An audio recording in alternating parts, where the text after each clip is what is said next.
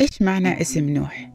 نوح كلمة عبرية ومعناها يعطي الراحة أو التعزية أو المواساة لأنه صار على الأرض راحة وسكون عظيم بعد الطوفان